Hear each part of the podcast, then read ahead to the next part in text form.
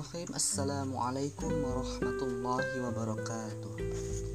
Alhamdulillahirabbil alamin. Rabbi srahli sadri wa yassirli amri wahlul 'uqdatam min lisani Baik, bertemu kembali dengan saya Fatan Syafiq Nabani.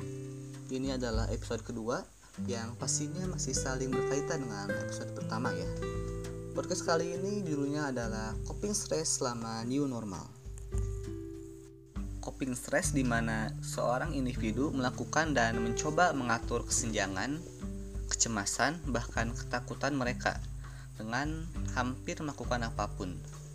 Rasmun, seorang lulusan keperawatan, mengatakan bahwa coping adalah di mana seseorang yang mengalami stres atau ketegangan psikologis ataupun fisik dalam menghadapi masalah kehidupan sehari-hari yang memerlukan kemampuan pribadi maupun dukungan dari lingkungan agar dapat mengurangi stres yang dihadapinya.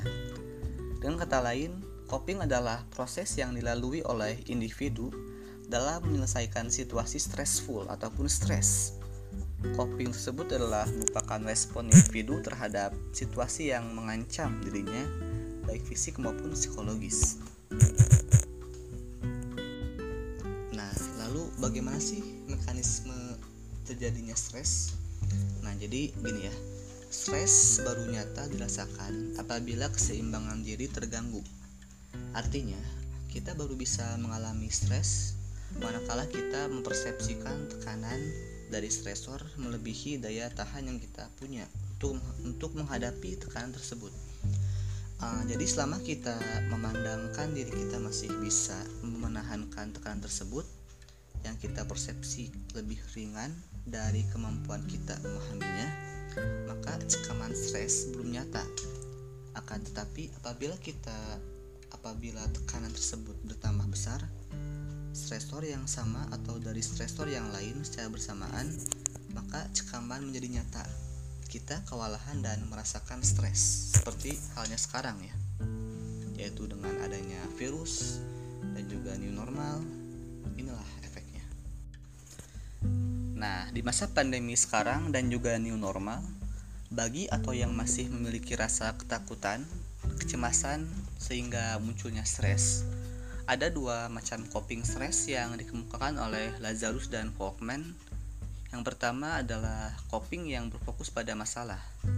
Adalah strategi untuk penanganan stres atau coping yang berpusat pada sumber masalah seorang akan berusaha langsung menghadapi sumber masalah tersebut, lalu mencari sumbernya, lalu mengubah lingkungan yang menyebabkan stres dan berusaha menyelesaikan menyelesaikannya sehingga pada akhirnya stres berkurang atau hilang.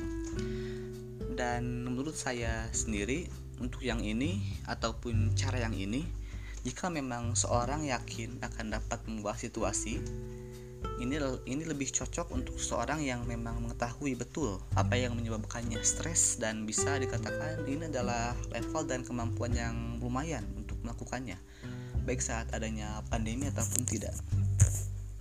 Nah, jika dirasa cara ini tidak bisa dan dirasa kurang merefek, maka ada cara kedua, yaitu coping yang berfokus pada emosi.